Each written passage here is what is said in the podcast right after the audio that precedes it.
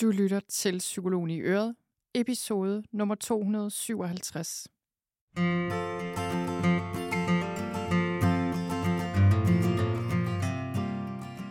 Velkommen til Psykologen i Øret. Jeg er psykologen Birgitte Sølstein, og Øret, det er dit.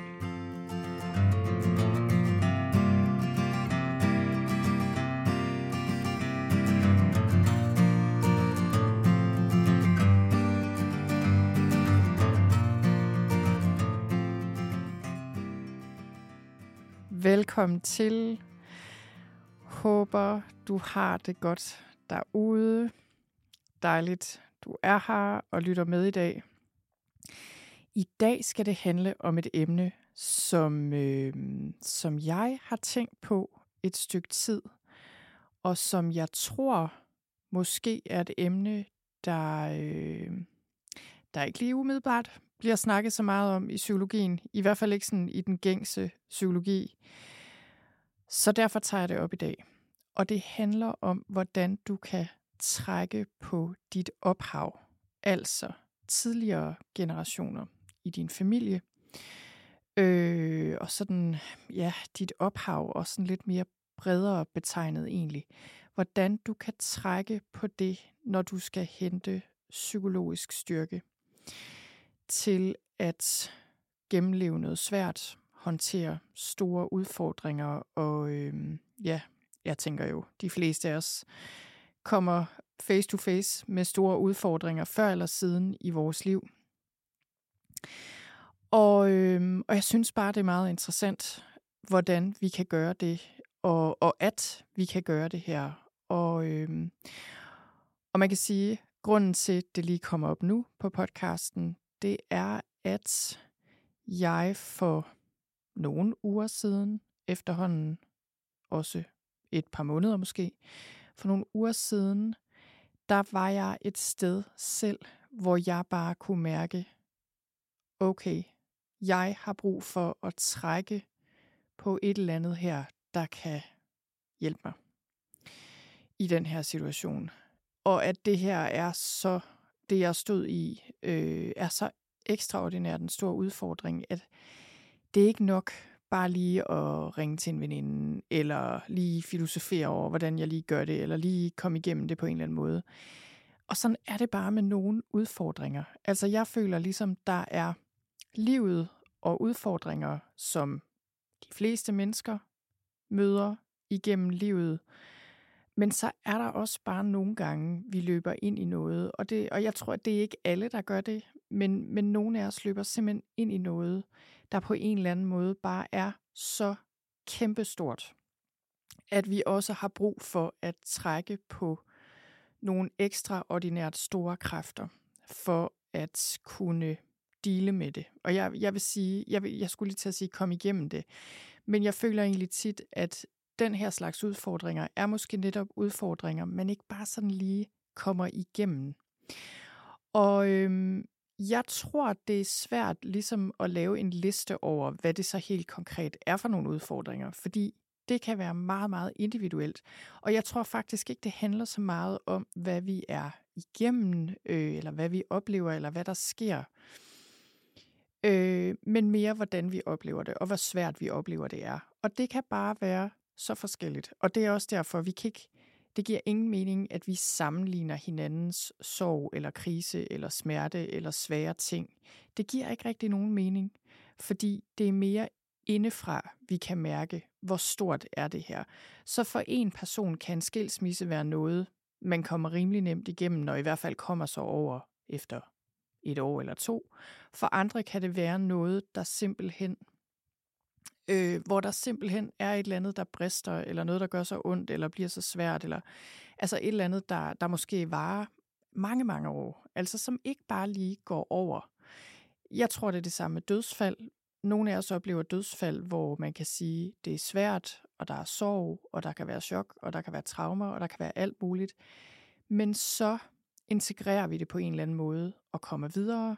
Og så er der andre gange, vi oplever tab og sorg øh, på en eller anden måde, som bare vælter os fuldstændig, hvor vi sidder fast, eller ligesom bare permanent øh, er kommet et helt andet sted hen. Og sådan kan det være med alt muligt. Øh, jeg har selv en søn med et handicap og en kronisk sygdom. Det har ligesom både været nogle pludselige chok og traumer og sorg undervejs, men det er også noget, der bliver ved, og, og som er blevet det er blevet en større udfordring med årene, både fordi man bliver træt, men også fordi der er ting, der bliver tydelige efterhånden, og som jeg tænkte, det her, det, det skal gå over, og så kan vi leve videre, og det er ikke gået over. Min søn, min søn har epilepsi.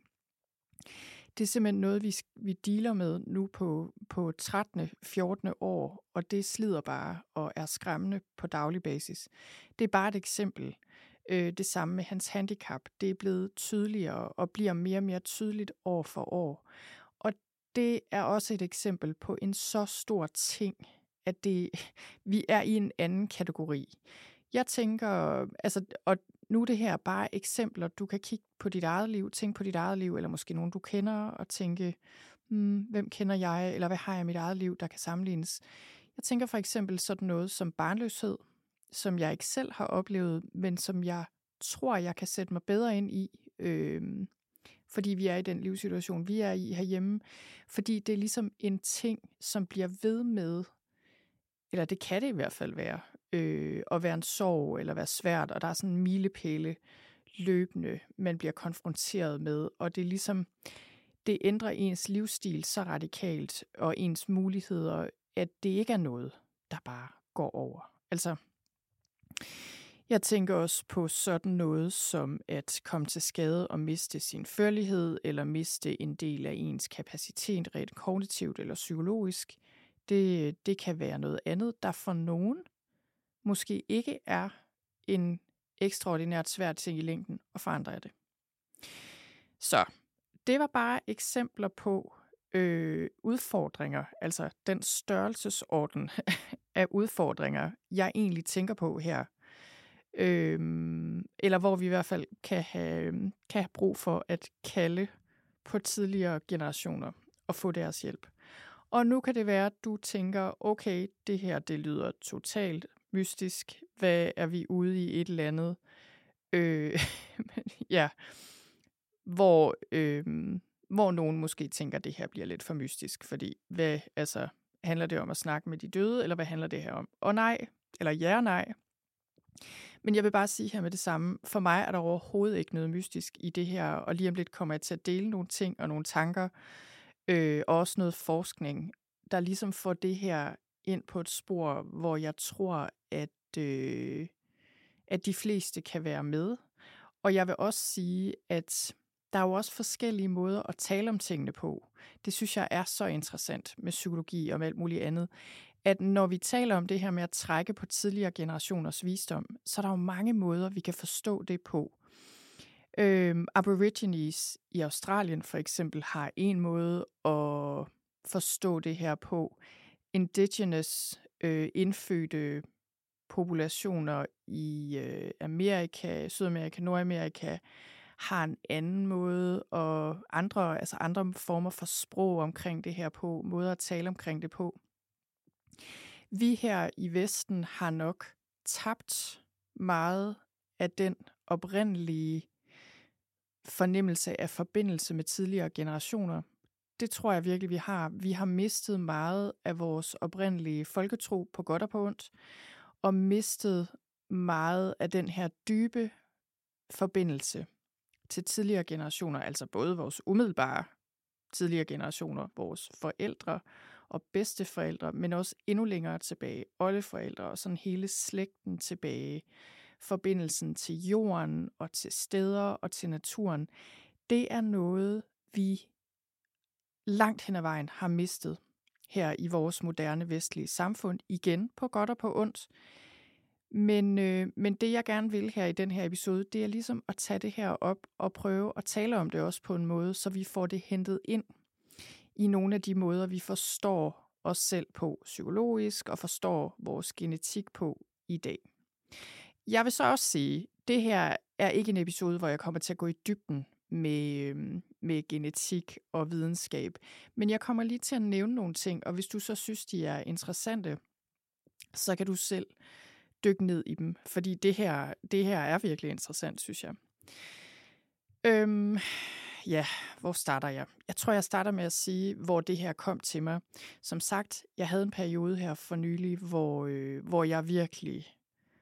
Øh, ja, der var bare nogle ting, der simpelthen slog mig ud i en grad og på en måde, hvor jeg kunne se, okay, der skal simpelthen noget andet til. Og, øh, og der var sådan forskellige, sjovt nok var det på gåture, begge dele. Øh, den ene gåtur var en længere gåtur, jeg havde i skoven her omkring, hvor vi bor. Og jeg simpelthen lige pludselig blev væltet fuldstændig omkuld af nogle ting. Øh, på sådan en måde, kender I det? Altså, nogle gange kan tingene bare komme, uden man måske sådan helt kan pege på, hvad det er.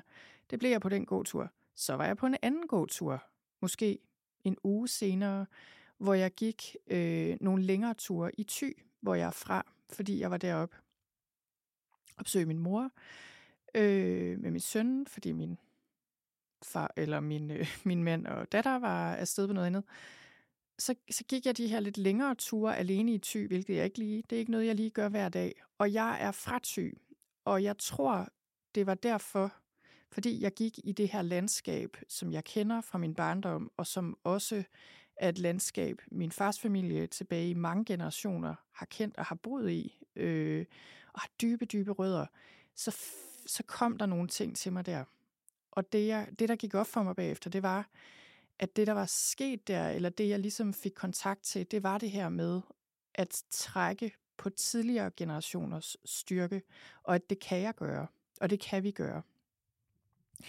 Så, øh, så, så jeg fortæller lige om lidt mere om, hvordan vi kan gøre det her, og hvordan du kan begynde at tænke om det her i dit eget liv. Men, øh, men jeg gik der og gik min tur, og der var nogle ting, der kom fra til mig, og, øh, og øh, hvis jeg skal sige det, nu, øh, nu er det her jo bare min, min version, eller sådan et lille eksempel på, hvordan her, det her kan se ud. Men det, der kom til mig under den her gåtur, det var øh, det der med den der fornemmelse af, at jeg har brug for noget hjælp. det var ligesom den første erkendelse. Okay, vi kan selvfølgelig få hjælp her og nu i vores liv. Vi har også brug for noget mere hjælp øh, til min søn. Og så nogle ting, øh, der jeg kan ringe til mine veninder. Som sagt, der er ligesom ting, jeg kan gøre. Hjælpe mig selv på forskellige måder. Få hjælp af en fagperson, som vi også har gået i gang med, som også er en vigtig ting. Men så fik jeg også bare den her fornemmelse af, der er en række, en lang række af mennesker tilbage i generationerne, der også kan hjælpe mig. Som har et liv, helt livs erfaringer, fordi de har jo levet et helt liv. Og jeg fik simpelthen den her fornemmelse, fordi nu gik jeg så lige på ty, øh, i ty, og der var marker, og, for, og desuden så min familie, i hvert fald den familie, jeg har tilbage i ty, i mange slægtsled har været landmænd. Så jeg fik det her billede af landmænd og koner, der stod simpelthen i sådan en række på marken. En af dem var min oldemor, der stod der med forklæde, og der var min farmor, og sådan, altså, jeg ved faktisk ikke rigtigt, hvordan andre tilbage i generationerne rigtig har set ud, bortset fra dem, min farfar også. Men sådan, den der fornemmelse af, at her står en lang række af virkelig hårdføre og seje landmænd og landkoner. Og, øh, og det, der gik op for mig, det var, jeg er næste skud på stammen. Og jeg fik virkelig den her fornemmelse af, alt det, de har erfaret, det har jeg også i mig på en eller anden måde. Så er der nogle celler, eller nogle gener, eller nogle kollektive erfaringer nede i mit ubevidste, eller ude i universet, eller nede i jorden. Altså, jeg tror godt, I, I forstår, hvad jeg mener her. Her er noget, jeg kan trække på. Fordi jeg er ud af den slægt, jeg er ud af.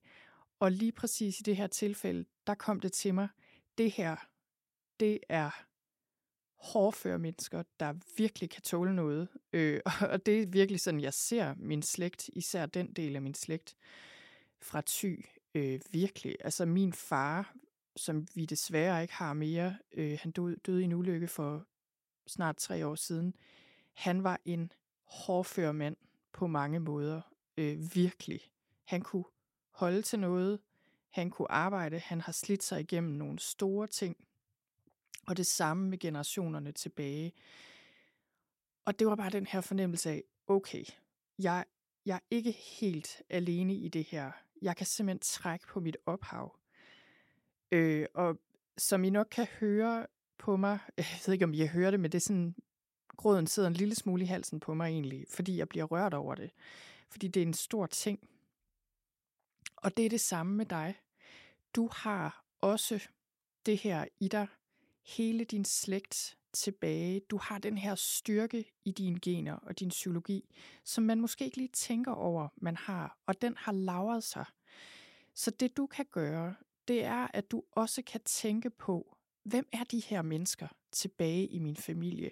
Det kan være, at du skal tænke på dine forældre, men det kan også være, føler jeg nogle gange, at vi skal et par slægtsled længere tilbage. Altså, det tror jeg er meget forskelligt. Det kan også være altså tanter, eller fastre, eller onkler, eller hvem nu. Tænk på, hvem de er, og hvis du ikke ved præcis, hvem de er, så spørg de ældre i din familie, hvis du overhovedet har mulighed for det. Øh, spørg folk, der måske har kendt dem, eller forestil dig, hvordan de har været, eller lav noget research, hvis du overhovedet kan. Og, øh, og tænk på, hvem de er, og hvad de kan give dig, og hvad du har i dig i kraft af, at du er ud af den her slægt. Og alle har forskellige styrker.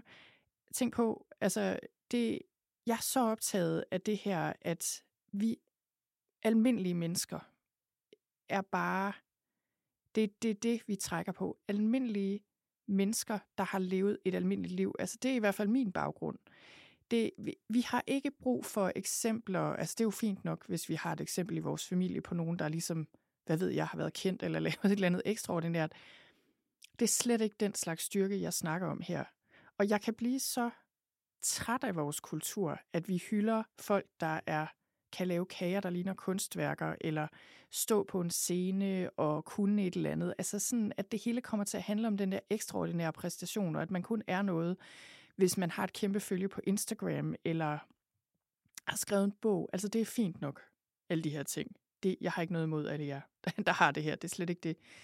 Det er bare, det er ikke det, vi trækker på her. Vi trækker på ganske almindelige mennesker, som har styrker og svagheder, men som har levet et helt liv, og som du har, hvis styrke du har i dine gener. Og det er lidt det samme med landskabet, føler jeg. Det kom også meget til mig. Nu får jeg også lyst til at sige, fordi jeg er oprindeligt af Tybo, øh, at så føler jeg jo, fordi jeg er fra den egen, at øh, det ligesom er noget særligt, og, og jeg tror faktisk også måske, at Tyboer har et særligt stærkt lokalt tillidsforhold og forhold til landskabet også, fordi det ligesom er sin helt egen egen, sådan lidt afgrænset fra andre måske. Men det er jo lige meget.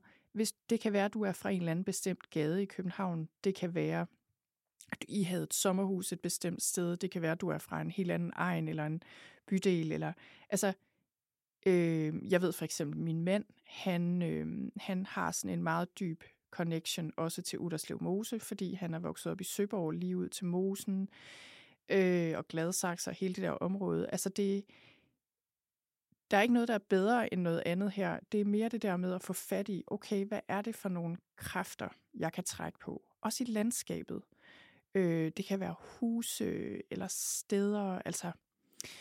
Øhm, og igen, hvis du ikke ved så meget om dit ophav, så spørg, hvis du har nogen at spørge.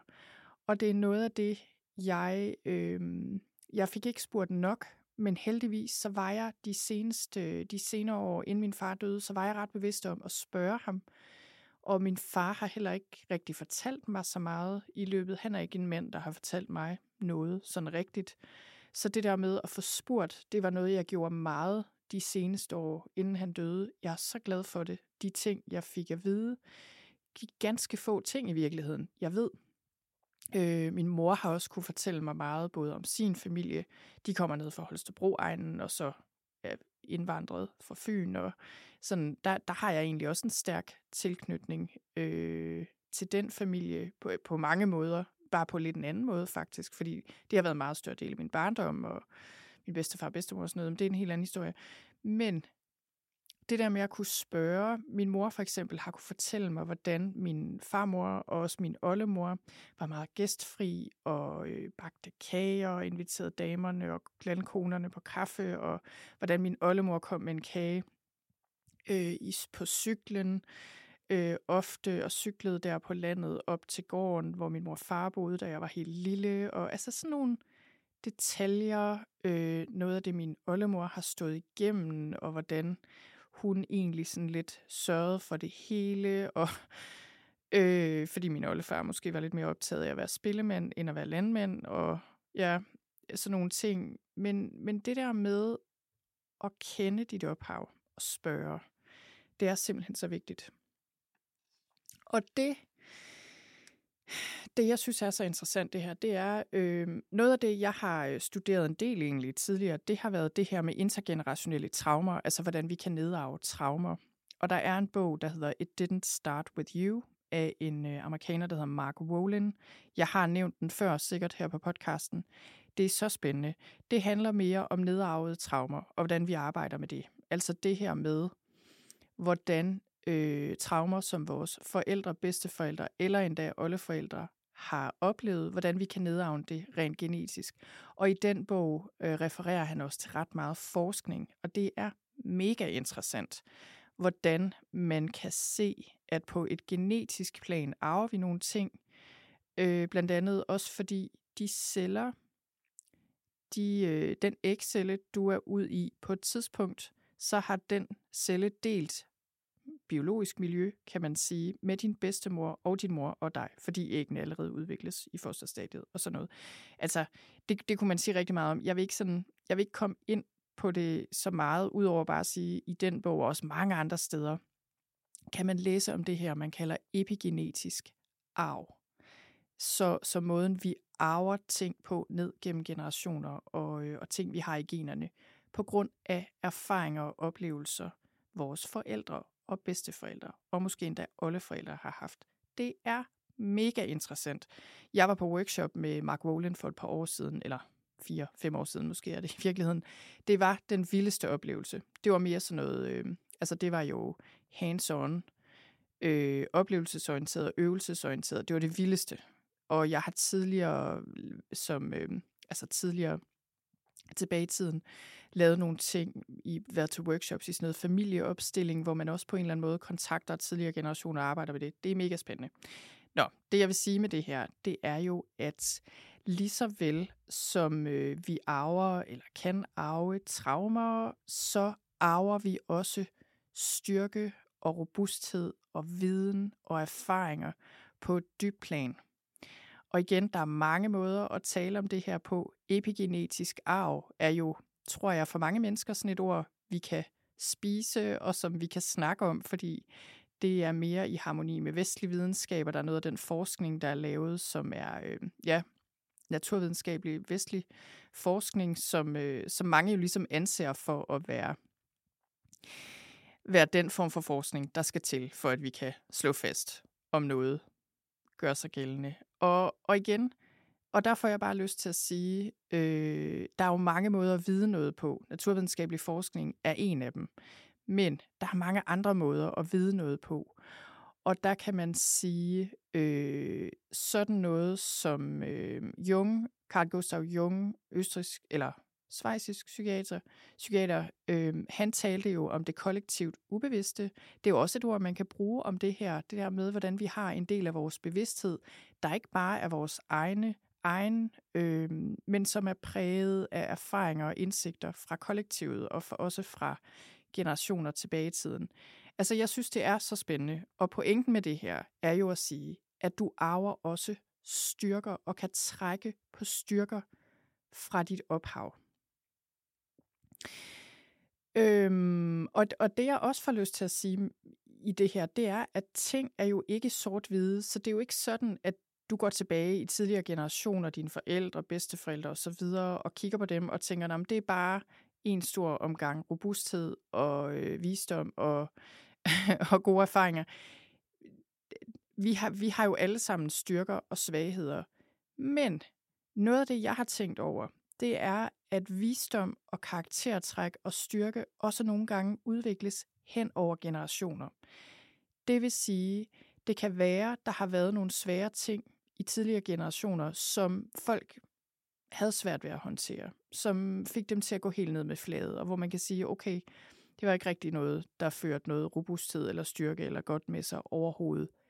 Men det er stadig en erfaring, som vi har tilbage i generationerne, og som kommende generationer har mulighed for at bygge videre på og håndtere på en anden måde. Og det synes jeg også bare er sådan en meget smuk måde at tænke over det her med generationer på, at nogle gange, så, skal, så er udvikling, psykologisk udvikling, noget, der går hen over generationer. Og det synes jeg bare også er en rigtig god modvægt til den kultur, vi har lige nu, hvor det er sådan lidt, okay, så skal vi gå til psykolog 12 gange, og så er det fikset. Eller, altså, vi skal lige meditere i 10 minutter, og så må det være det. jeg synes, det er rigtig rart at tænke på. Jeg har noget i ryggen her, og det kommer også til at fortsætte efter mig. Jeg må gøre mit bedste, men jeg kan ikke altid forvente, at jeg kan håndtere det hele og løse alt, bare sådan lige her med det samme. Ja, jo. Det jeg gerne vil her til sidst, det er sådan ligesom lige at give dig en praktisk øh, oplevelse af, hvordan du kan gøre det her. Hvordan du kan gøre det her i praksis. Og igen, ideen med det her er simpelthen, at dit, dit ophav og fortiden tilbage i generationerne kan give dig styrke. Og jeg vil også sige, jeg synes også med til det her emne, der handler, der, der hører også det her med, hvis du har en meget dyb længsel efter noget, eller måske savner noget, eller måske er meget draget af noget, hvor du måske ikke lige umiddelbart forstår den længsel, eller forstår det savn, det er måske noget, du aldrig rigtig har haft, så kan du også tænke, kan vide, om det også er noget, der kommer af mit ophav, noget jeg har med mig, fordi, fordi tidligere generationer måske har haft noget meget værdifuldt, som, som nu er en del af mit ophav, og som jeg på en eller anden måde længes efter. Så det er bare et eksempel. Og jeg tror på, jeg føler i mig selv, og jeg tror på, at vi kan savne noget tilbage fra tidligere generationer, og vi kan længes efter noget, vi ikke selv har haft, men som vi alligevel ved, hvad er, fordi det ligger i vores ophav. Det er noget, jeg oplever så meget. Altså, så meget øh, nogle gange. Og det er jo ikke noget, man bare sådan lige kan forstå, tror jeg, eller det, det er ikke noget, jeg sådan lige kan løse i mit liv. Okay, hvordan, hvordan får jeg så det her, mere af det her i mit liv, som jeg savner sådan, som jeg kan se, at det er en værdi eller noget værdifuldt, man har haft tilbage gennem tiden. Men det er en god bevidsthed at have, føler jeg. Fordi det gør, at jeg forstår mig selv på en større måde end bare min egen individuelle psykologi. Og det er måske også pointen med den her podcast-episode. Og det her emne.